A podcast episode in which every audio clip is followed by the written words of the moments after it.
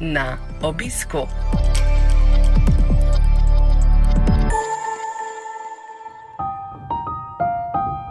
Z veseljem vam predstavljamo novo serijo podkastov na obisku. V dolgem vročem poletju vas bomo vsak petek opoldne povabili k poslušanju pogovora z nekaterimi zanimivimi strokovnjaki in člani Slovenskega združenja bolnikov z limfomom in leukemijo. Vabljeni k poslušanju.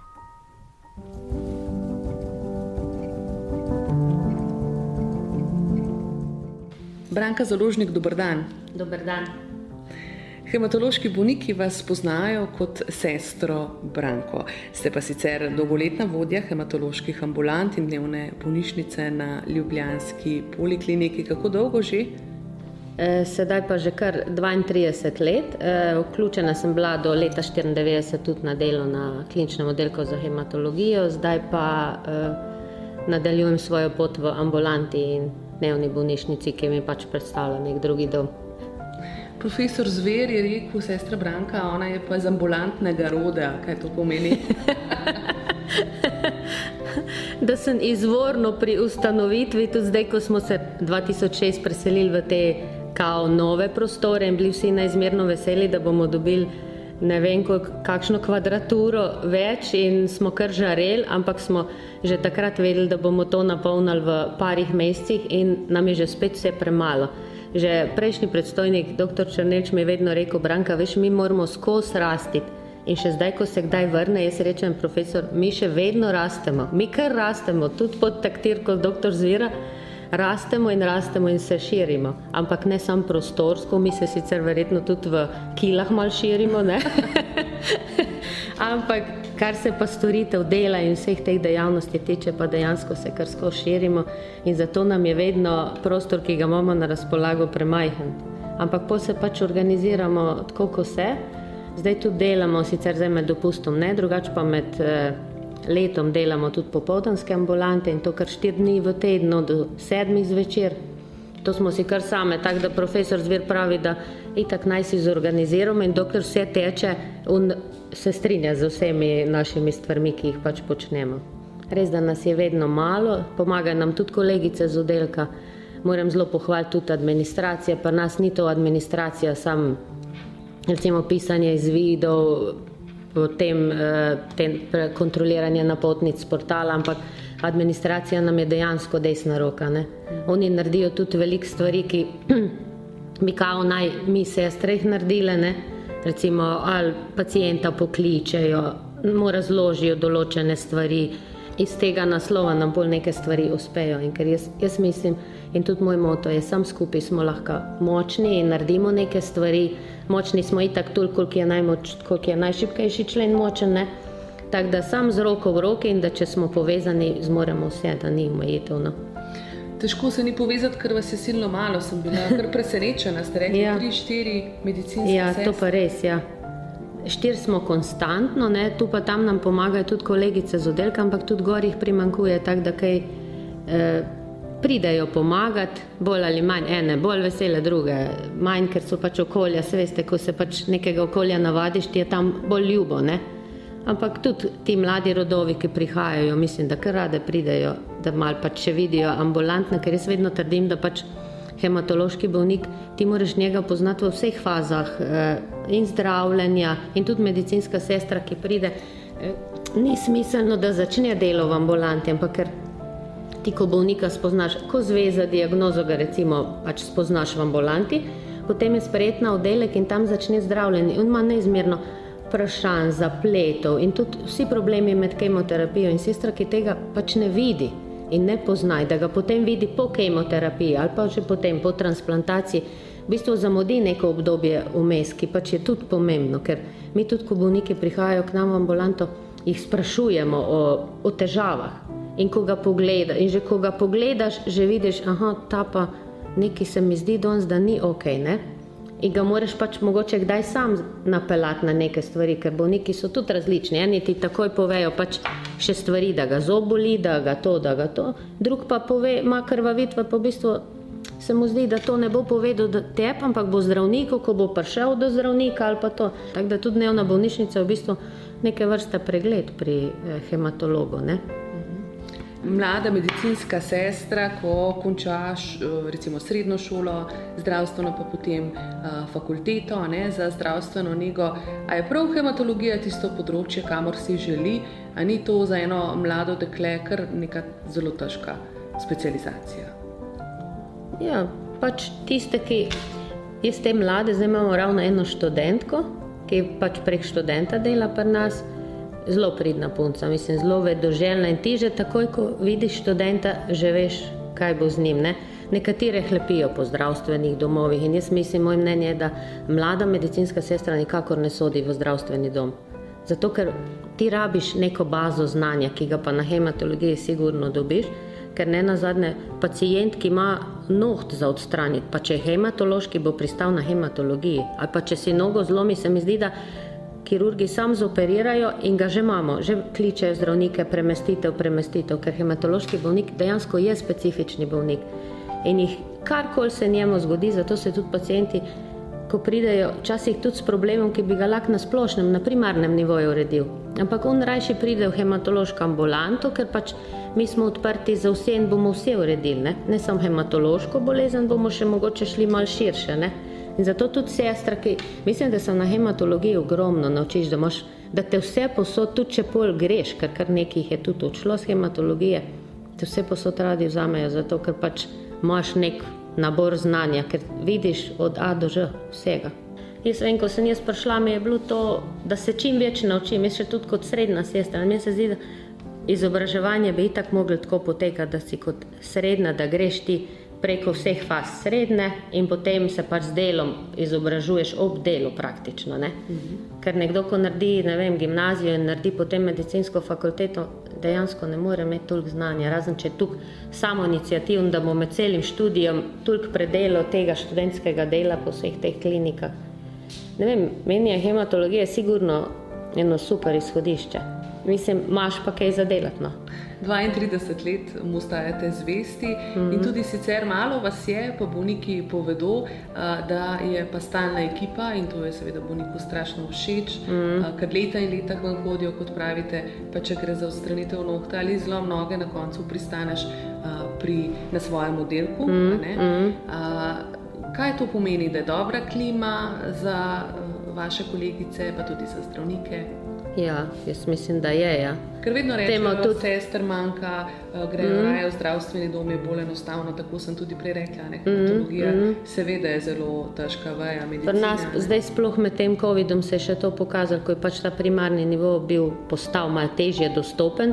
Oziroma, vse veste, starejši bolniki, internet, pa da se prijaviš. Pa da, uh, Ker nekaj je bilo teh odklonov, neke osnovne stvari, odzem krvi, ko včasih jih tudi mi napotimo, da pač pri svojem zdravniku oddajo kri so kar veliko so se vračali k nam ne? in seveda jih nismo odklanjali ne? in smo jih pol sprejeli in jim uredili še kakšen recept napisali, ki bi ga lahko na primarnem nivoju uredili.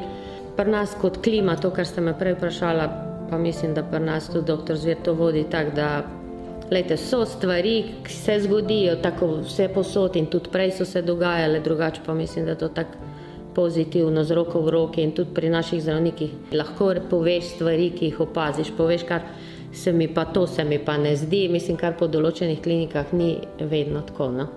To mi kolegice v druge povejo, da pač tudi za nas, recimo, tudi bolničar, čistilka, vsi ti eh, ostali podporni, ki prihajajo, mislim, mi res moram reči, da dobro sodelujemo z njimi.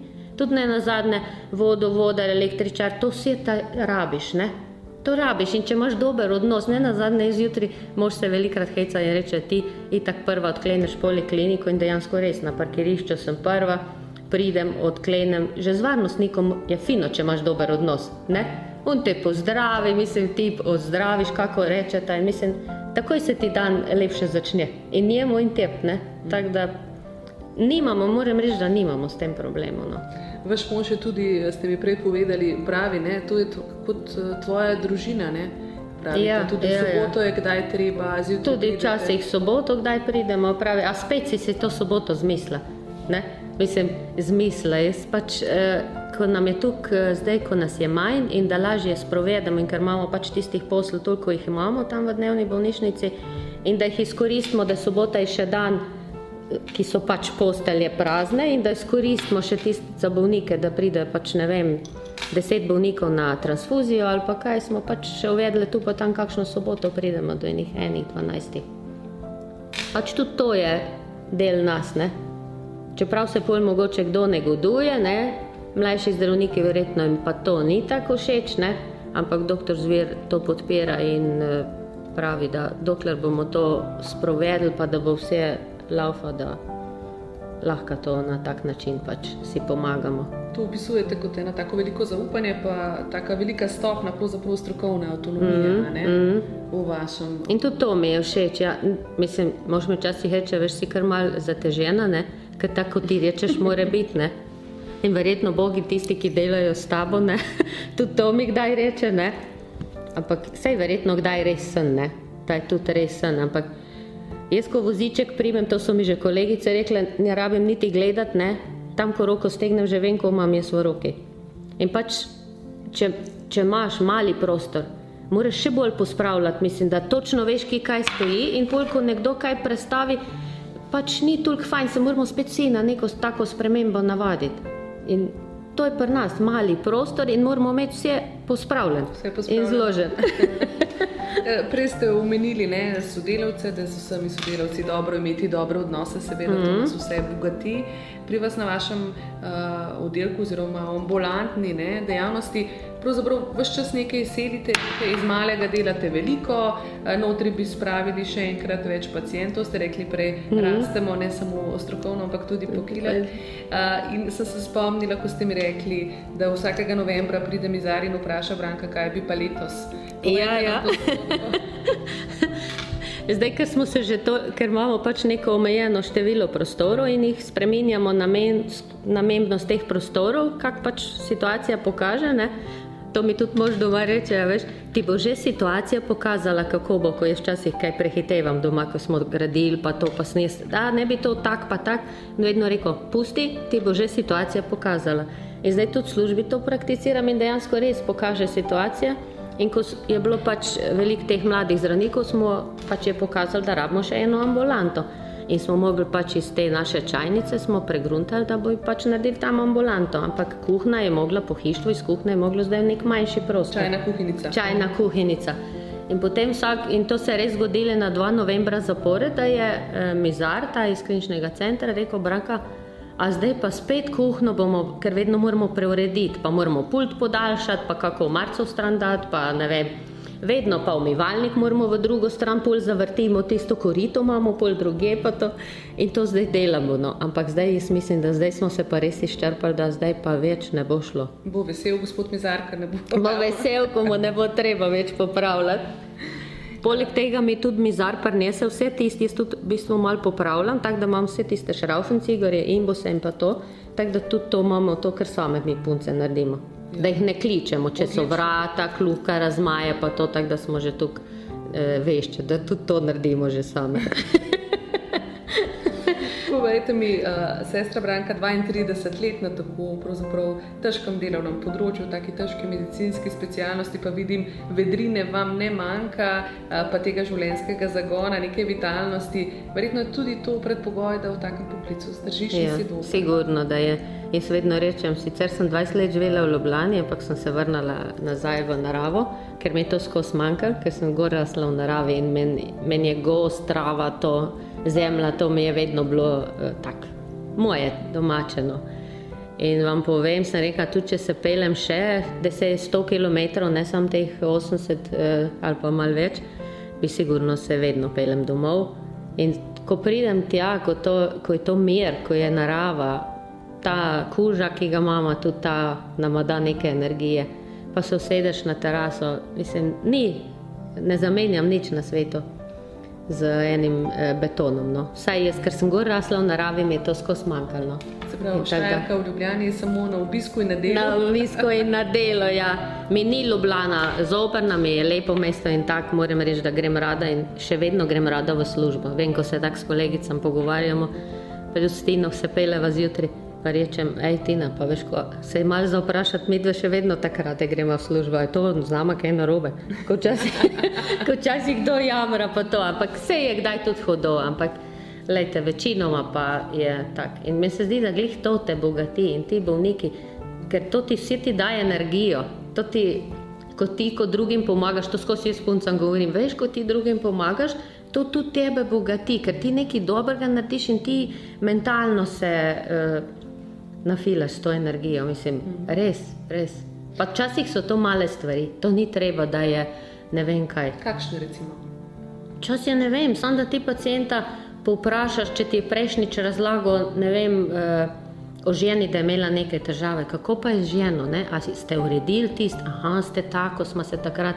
Včasih ti, še, ti rešuješ še včas probleme, ne samo bolnika, včasih še kakega svojca ali pa kaj, pa jim daješ kakšne napotke, prehrana je moja žena pa zaprta ali pa moj mož pa ima težave s tem, ja pa bi bilo dobro, da se to pa to naredita. Mislim, to so tak, ali mu pa pokličeš prevoz, ali ga pa prepeleš dol pred polikliniko, ali pa, mislim, to je tak, pa mu daš malco. Recimo mi imamo naši bolniki v dnevni bolnišnici, imajo uh, vsi malco in pripada pač ta lunch paket.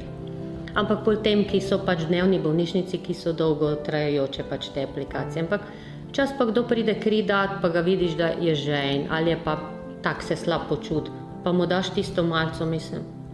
To je to in tu pomen, da, lejte, pa je to čist sok, pa kos kruha, pa salamica, ne? Da se počut, da je tam, da je viden, da je, ne? Da nam je mar, da nam je za njega mar, ne glede, pa so tudi včasih težke zgodbe, so, tudi kakšne vem, starejši, ki sami živijo. Smo imeli eno gospod, ki je živela pod Golico sama, mislim, lete.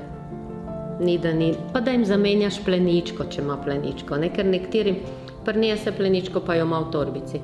Pa je strah reči, da bi mu zamenjal pleničko. Ali pa si pravi, e, se bom pol doma, se bom pol doma. Ne? Se nimaš tega čuta, da boš ga pustil tam 6-7 ur v tisti plenički, sigurno mu je zamenjaš pa že nekako naredimo, da ti spregradimo, ker to je en prostor, ne, kar je tudi težko. Ne. Ampak gre, le, jaz mislim, da če je volja, pa mož gore premikaš. Res, če še imaš pa ljudi okrog, si je pa še lažje. Kako lepo vas je poslušati, ko tako pripovedujete. Rečete, včasih so tudi a, težke zgodbe, verjamem, da ste jih v teh vseh letih na tem ambulantnem rodeu, kot pravite, mm. veliko doživeli. Kaj se vas je dotaknilo najbolj, kaj pa se vas še danes mm. močno dotakne? In kaj je tisto, kar vas razveseli, o tem ste nam nekaj mm. že rekli? Mm pač te težke zgodbe, te družinske otroci, pa to, ko čas pripoveduje, ali pa bolniki, ko, ko vidiš, da je v zadnji pač fazi, da je umirujoč in da eh, ga vozijo pač na neke aplikacije, transfuzije in to, pa svojci zraven, pa jim bolj dovolimo, da so zraven, pa nimamo primernega prostora, da bi imeli oni pač tisti tak intimen stik in kotiček, da sem, eh, če kaj rabijo, jim pač kaj prneseš, pa to probamo še to narediti, da najdemo nek prostor, da jih tako ne da jih izoliramo. Pač da vejo, da so na varnem, ja, da imajo malo neke zasebnosti. Take stvari, moram reči, da na, v ambulanti je, kar se tega umiranja, pa tega tiče, dosti manj. Ne? Tega na kliniki punce imajo dosti več tega. Ne? Ampak dejansko se moraš okrog tega, ti je hudo, pa to, ampak moraš se distancirati, da to, da funkcioniraš. Ne? Ker so to, mislim, otroci, mali otroci, pa to, mislim, ko to gledaš. Jaz sem si v bistvu skozi želela delati na pediatriji od začetka. Sem rekla, bom jaz na pediatriji, meni so otročki vedno bili tako super. Potem pa, ko sem na faks hodila, sem imela prakso in sem bila tam na otroški eh, kirurgiji, pač te pritličijo takrat, tam, ko smo zdaj mi, je bila prej. Ja, In ko sem jaz tam videla tiste otroke s prirojenim srčnim napakam, onim tretjim, noben ti tako neč ne more povedati, tiste starše boge tam zraven. Tudi bi mu bil pomagal, nisi ga smel z inkubacij vzeti, eh, pač te tople poslovce, kar pa je že bilo. Ve, a ne, sem jaz rekel, a ne, to pa jaz ne bo. Če mi on ne more nič povedati, jaz, res da si takrat ne veš, jaz vem, da tam sestre 100% vladajo stvari, tudi jaz bi se jih verjetno naučila. Ne, se nekaj znore šla kot odraslim. On mi vsaj pove, ali me nakrega, ali mi pove, ko bi rabo, ali to. Ne, ne, jaz bom reči to, jaz bom reči to. In potem sem takrat zaključila s pediatrijo in sem rekla, ne, ne, jaz bom z odraslimi bom reči. Vas kdaj tudi nakrega, kot ste omenili? Tudi kdaj jih kaj slišimo, ja. Tudi kdaj in čas tudi neopravičeno, ampak od začetka zdaj si že upam, kaj si umirim telo in upam, kaj pač povedati naše argumente. Včasih, včasih si kar pustil, da kaj in čas je tudi zelo neopravičeno. Veste, čas ti lahko en človek, ki je pač eh, pride in čaka, pa v bistvu čaka po svoji krivdi. Pride prej, ko je naročen, pač, ker je imel prevoz tak, pa to, ampak nimam nič proti. Ampak pol pa reče na hodniku, že tri ure čakam. To sam en ti lahko poruši klimo v, na hodniku. -huh. In pol se začne, ali pa kdo začne sprašovati, kdaj bom pa jaz, kdaj bom pa jaz, pol pa že jih imaš deset, kdaj bom pa jaz, kdaj bom pa jaz. Ampak res lahko rečem, da res ko zdelamo. Samo med malico, to je samo od 11 do 11.30. Moram pa reči, da malice mi nismo imeli, mislim, da jih pet let nazaj ali šest let, sploh niti na vratah nismo imeli napisan. Potem je bilo pa po direktivi zavarovalnice, ko so mi punce rekli, včasih z oddelka prišle pomagati, Branka, zakaj mi ne jemo tako gor? Mi smo šli jesti ob ne vem, ob pol dveh, pol treh, ko že greš praktično domov. So včasih rekli punce, pa ti nas boš ubila, ti ne smemo ne piti, ne smemo ne jesti, ne noč. Sam jaz nisem rekel, ne iti jesti. Pa pač jaz nisem šla in pol une tudi niso šle, ker so rekli, če una ne bo šla, pa bo pol sitna.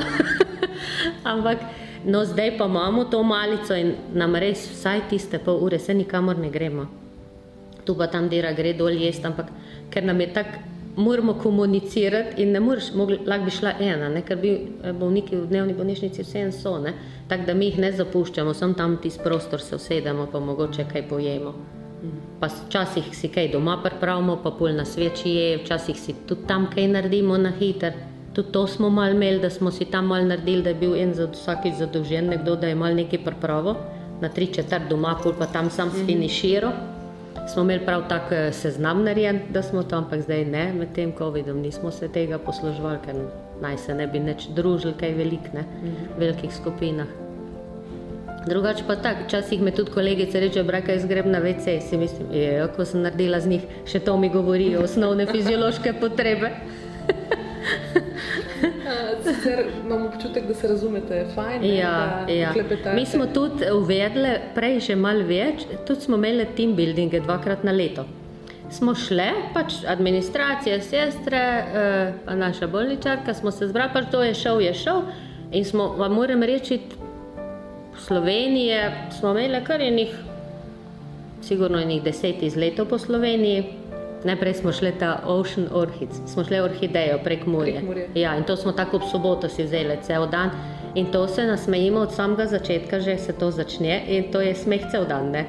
In pol do teh restavracij, ko gremo jesti, ko si kaj ogledamo, šli smo v postonsko jamo, zdaj smo že dve leti bile na Jadranju tudi, tudi nas gre sicer malo manj, tudi to, to, to gremo za več dni, tako da kar no smo Dolenska nam še ni toliko eh, domača, tako da smo rekli, da verjetno za naslednji izlet bomo šli kaj na, na Dolensko.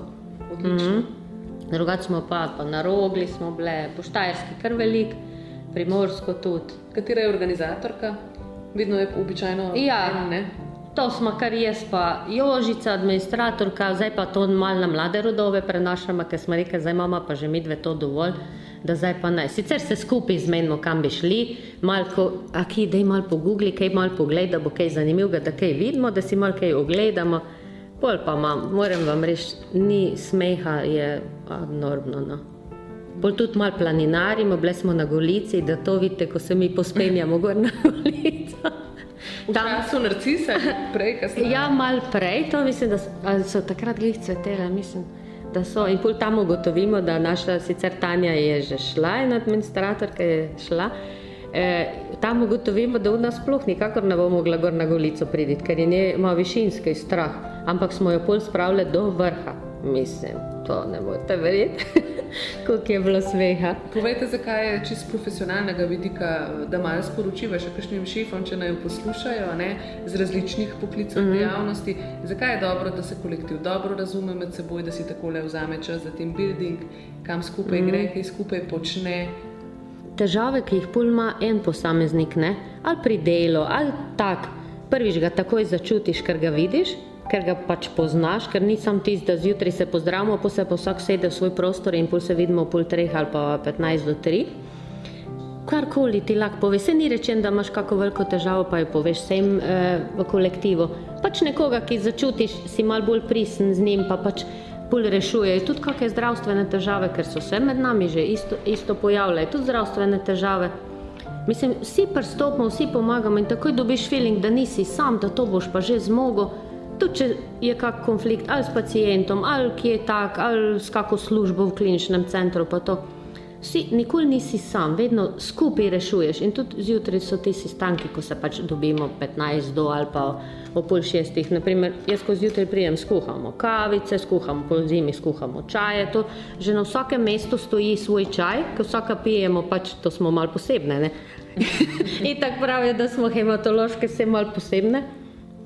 Pač ena ima želočne težave, druga nima rada, tete, ena je alergična na to in to vsaka ima svoj čaj, vsaka ima tiskavico, ena z mlekom, ena to, piškotke zjutraj. Glih don smo stino šle pa čarogličke, kdaj pa kdaj ena kup, kdaj pa kdaj druga kup. Tako da, lejte, to so take male stvari, ki pa tukaj pomenijo, da malo se nasmejimo, večinoma skrbimo, da se smejimo, da nismo mrki, tisti, ki mrki pridejo zjutraj in že kar kaj povemo le, pol pač se odstran ali pa pa tih, neč ne govori, zdaj pa mi zjutraj, zdaj imamo kolektivo Fanta Uroša, ne, ki ga imamo vse neizmerno rade. Ne? In uro zjutraj, ko pride, kaj bo danes, ali bojo nohti, ali bojo kopalke, ali bojo vse že un pozna. In v bistvu se un s tem tudi izobražuje. Mi ga tudi izobražujemo na tem področju. vam bo morda njegova partnerka enkrat hvaležna. Ja, sej, sej. In se nasmejimo že na vse zgodbe zjutraj. Odlično. Uh, veliko več se mi zdi v zadnjih letih se govori o področju hematologije, hematoloških bolnikov. Mm. In prav je, da se. Zakaj? Res. Zakaj se govori? Ne vem, ali so se prvič. Uh, Tudi društva so veliko pripomogla k temu. Jaz mislim, da velika zahvala gre društvom, ki so res aktivna na tem področju res skrbijo za bolnike in za tisti njihov dobrobit. Tist, vse že prej, ampak prostorsko, tako sem vam že prej rekel, smo itak vedno. Zato, ker res kar skozi rastemo, počnemo nove stvari, se vidite zdaj ta, ta kar, te celice. Res dejansko hematologija gre naprej in res kapo dol vsem našim zdravnikom, ker se res prizadevajo. Bolniki so zdravljeni po vseh smernicah, teh eh, res najsodobnejših smernicah. In mislim, da to gre za sluga res vsem našim zdravnikom, ki se res trudijo, vsi tudi. Se tudi med COVID-om, v bistvu mi smo skozi delali, mi smo skozi, mi nismo se zapirali. Mogoče smo prenaročali prvem valu bolnike, res, ki prihajajo enkrat letno, pa to. Drugače pa drugi bolniki so vsi prihajali, ali so jih zdravniki klicali. Jaz mislim, da naši bolniki tudi med COVID-om so vsi dobili, kar so potrebovali, še več so nekih stvari, ki jih na primarnem ali pa na kakšnih drugih nivojih niso. Ne? Ja. Včasih se tudi zgodi, da recimo, ima kako težavo, kak naš bolnik, pa rečejo, evo bomo kar prišel plastik, reče, da bo prišel ga k nam pogledati v dnevno bolnišnico. Ne, ne vem, jaz fajn je, da se govori, ne na zadnje je pa fajn, da se govori, ker dejansko moramo biti videni, slišani in ne vem, ker če kaj želiš doseči, očitno pri nas ne deluje to sam, da si pridn pa tiho, to ne gre. Moraš iti na vzven, žal je tako, žal je tako, no. Čeprav bi lahko že delo kot tako pokazalo, ker so statistike, se vse beležimo, večina se beleži in bi se že iz teh podatkov videli, da dejansko na taki mali kvadraturi tu bolnikov, če jih mi recimo... Koliko jih obrnete na leto, recimo, pa bolnikov, koliko se jih zvrsti? Na leto, zdaj le vam podatek, recimo 50 do enih, 50 do 80 v dnevni bolnišnici na dan. Na dan. Na dan, pa še mogoče čez 100, pa ki zdaj, če tri ambulante, 4-5 ambulant dela, jih okrog 150, če v ambulantnih pregledih, to na dan in to, če na teden pomnožiš. Vse prejšnji teden ali dva tedna nazaj je bila strokovna direktorica in dejansko je sestro, kolegico mojo dvakrat vprašala, dejansko to dve sestre v dnevni bolnišnici delajo, ker mi imamo v bistvu še svoj odzem krvi in še to ena sestra je na odzemu krvi, dve so kao v dnevni bolnišnici, ena pa planira vsa ta dela in vsa ta naročila. In to je to. In to je to. In dve sestre v dnevni bolnišnici, da toliko ima ena klinika bolnikov. Mislim, včasih je res se, včasih se res vprašam, res se vprašam, a kdo to vidi? Jaz vem, da doktor Zver to vidi in da on se neizmerno trudi in da to uh, že vsi vejo, ampak ne vem, vsi imajo neke mrene ali kaj, jaz ne vem. Res. Bolniki vejo. Ne? Bolniki vejo, vse bolniki so nam neizmerno hvaležni. In tudi včasih mi reče, ja, a lahko jutri pridem, pa rečem, če nimam vas kam dati ležati, res vas nimam kam dati ležati. Včasih smo tako daleč prišli že s tem, da smo si ta uh, strečer, ta voziček na poliklinik sposodili in smo ga na ta voziček in smo ga v dnevno bolnišnico kar po sredini porinemo. Tako da v bistvu me kar zmrazi, ko si mislim, če bi jih do kakšne reakcije kdaj prišlo, lejte, moraš najprej si prostor narediti, da pol lahko kaj, da je včasih tako res. Poleg tega so bolniki pripeljani, mi imamo tudi veliko bolnikov iz DSO-jev pripeljanih in prav ti bolniki nimajo običajno spremstva. Ne? Svojci so po službah, iz domov je zdaj vse manj spremstva, včasih je bilo, ampak zdaj pa zadnje čase opažam, da tega sploh ni. In takega bolnika je žen, rabi neko blazino malo popraviti. In ga damo isto v dnevno bolnišnico, in to so običajno na ležečem, in to čakajo na pregled v dnevni bolnišnici, v bistvu, ker prostora za to, da bolnik čaka, pa nimamo. Taki, taki ne, da bi ležeči čakali. Ne? Tako da, lejte, Prej ste omenili tudi združenje, a ne da veliko ljudi Mhm. Ozavešča o boleznih samih, pomenu zgodnega odkrivanja, Mhm. uh, ustreznega zdravljenja in tako naprej, pa pri samem poznavanju tudi splošne javnosti, recimo Ja. s kampanjami, da se na seznam in tako naprej. Kako pa so videti te dejavnosti z druge strani, se pravi strokovne, vaše strani? Kaj to pomeni za bolnika? Mislim, prav ta eh, celostna skrba, to sem kar veliko zasledila. To, ko so imeli eh, pač te telovadbe, to so bolniki zelo pohvalili, moram reči. Tudi, ko kaj sprašujejo, pa to pa jih usmeriš, ali jim damo kakšne brošure ali pa kaj. Od društva mislim, da kar dobijo informacije, da se vključijo, da jim je fajn. Sestra Branka, povejte, kako si sami napolnite baterije. Rekli ste že ti izleti, ki jih imate, ne z vašimi mm -hmm. sodelavkami, uh, pa domača terasa v naravi. Domača terasa v naravi. Jaz rada se tudi športam, rada igram ping-pong, vsi športi, noben šport mi ni tuj, ne. Vsi rada igram, zdaj imam sicer malo koleno okvarjeno, tako da moram to urediti, zdaj, ker, se, ker pač v vseh teh letih nisem imela nikakor časa, da bi jaz to uredila tako je treba, ne. Ampak zdaj, ja, ja, zdaj moram še to urediti, ker zdaj me pa že res malo omejuje, tudi prhoji pa pri vsem tem. Drugač pa ne vem, tako vedro gledam življenje in ko vidim jaz te težave naših bolnikov, pa drugih, si mislim, to, kar jaz imam, to tak nič ni. Pa imam sama tudi eno kronično bolezen.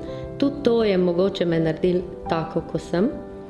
Sama imam pač reumatsko ta lupus, živim z njim in tudi sprejemanje kroničnih zadev. Vem, da ko bolnik zve za diagnozo, da to, to kar sem sama tudi dala skozi. In je to, to so nek čas, vse to potrebuje nek čas.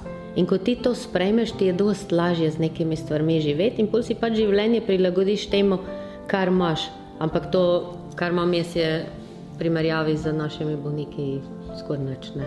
Ampak je tudi moja stvar, ki jo nosim s sabo in jo moram predelati na določeno obdobje. Ne. E, Gledam pozitivno na življenje, pa tudi problem, pa mislim si včasih, ko se pojavi kak problem, pa rečem, se je že moglo zgoditi.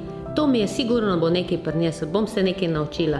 Pa čeprav je čas hudo, so včasih tudi solze, je včasih tudi tak, eh, mi smo v končni fazi vsi tudi ljudje, ne? Z, tudi z svojimi težavami. Ne? In prav to, ne, da ti prideš v nek kolektiv, ko se lahko nekomu odpriješ, ko imaš ne na zadnje včasih kako psihoterapijo ali pa da te kdo sam posluša. Tudi včasih čez vikende se kaj zgodi, pa te ni nikogar. Mi, jaz lahko vsakega zdravnika pokličem čez vikend, oni lahko vsak mene pokliče, če kdaj kdo rabi. Mislim, nismo smo res dejansko tako družina. No? Ni, ni zapor in zavor. Ne? Prav to, ko pomagamo drug drugim, se mi zdi, da je to te daje tak. Jo, sem skozi na varnem, ne? skozi imam neko varno cono, ne, ne glede, kje sem. Vse je Ne? lažje. Ne? Ja, vse je lažje, res je. Sestra Branka, da pa zaključiš s tisto mislijo vašega moža, ki mi je zelo ostala v spominu, mi je všeč, da bo kako že situacija. Situacija bo pokazala, ali bomo zdaj rabili meter ali šraufenciger, ali bomo to. Ali on, boš videl tam, ko bomo začela delati, ko rabimo. Ne. To lahko prenesemo na vsa področja življenja. Ja. Sestra Branka, najlepša hvala za ta iskren, iskriv pogovor. Hvala. Vse dobro, ostanite take še naprej. Ja, hvala tudi vam.